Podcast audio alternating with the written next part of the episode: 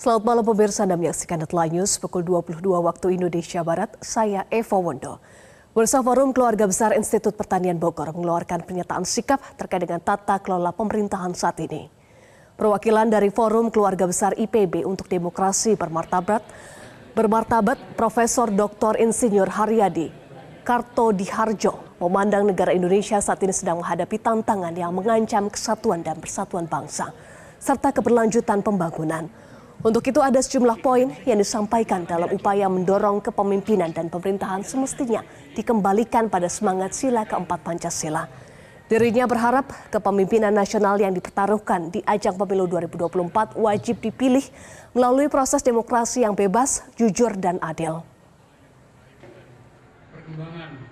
Maka keluarga besar IPB menyampaikan seruan untuk praktek demokrasi yang bermartabat. Pertama, kepemimpinan dan pemerintahan Indonesia harus dikembalikan pada semangat sila keempat Pancasila. Sistem demokrasi harus dijalankan untuk kepentingan rakyat, bukan untuk kepentingan individu, kelompok, dan penguasa. Yang kedua, kepemimpinan nasional wajib dipilih melalui proses demokrasi yang bebas, jujur, dan adil untuk memperoleh legitimasi kuat dari rakyat serta dapat mewujudkan tata kelola pemerintahan dengan check and balance antara pemerintah, DPR, DPD yang baik. Pemimpin nasional harus menjunjung tinggi etika dan moral yang sejalan dengan sumpah jabatan sehingga kepercayaan masyarakat dapat terjaga dan menjadi teladan bagi rakyat keseluruhan.